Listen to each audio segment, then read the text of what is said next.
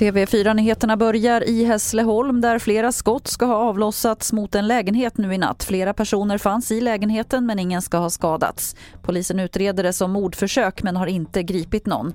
Igår natt var det något som exploderade vid ett flerfamiljshus i Hässleholm men det är oklart om det finns något samband.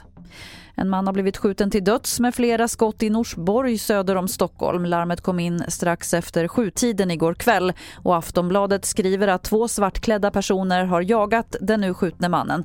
Under natten har polisen varit på plats och knackat dörr i området för att ta reda på mer om vad som hänt. Så det senaste om kriget i Ukraina. 5 000 ryska krigsbrott utreds nu, det säger Ukrainas riksåklagare enligt Kiev Independent. Samtidigt vänder sig Storbritanniens premiärminister Boris Johnson till det ryska folket på Twitter och uppmanar dem att inte lita på uppgifterna från Kreml utan söka information från annat håll. Ваш президент обвиняется в совершении военных преступлений.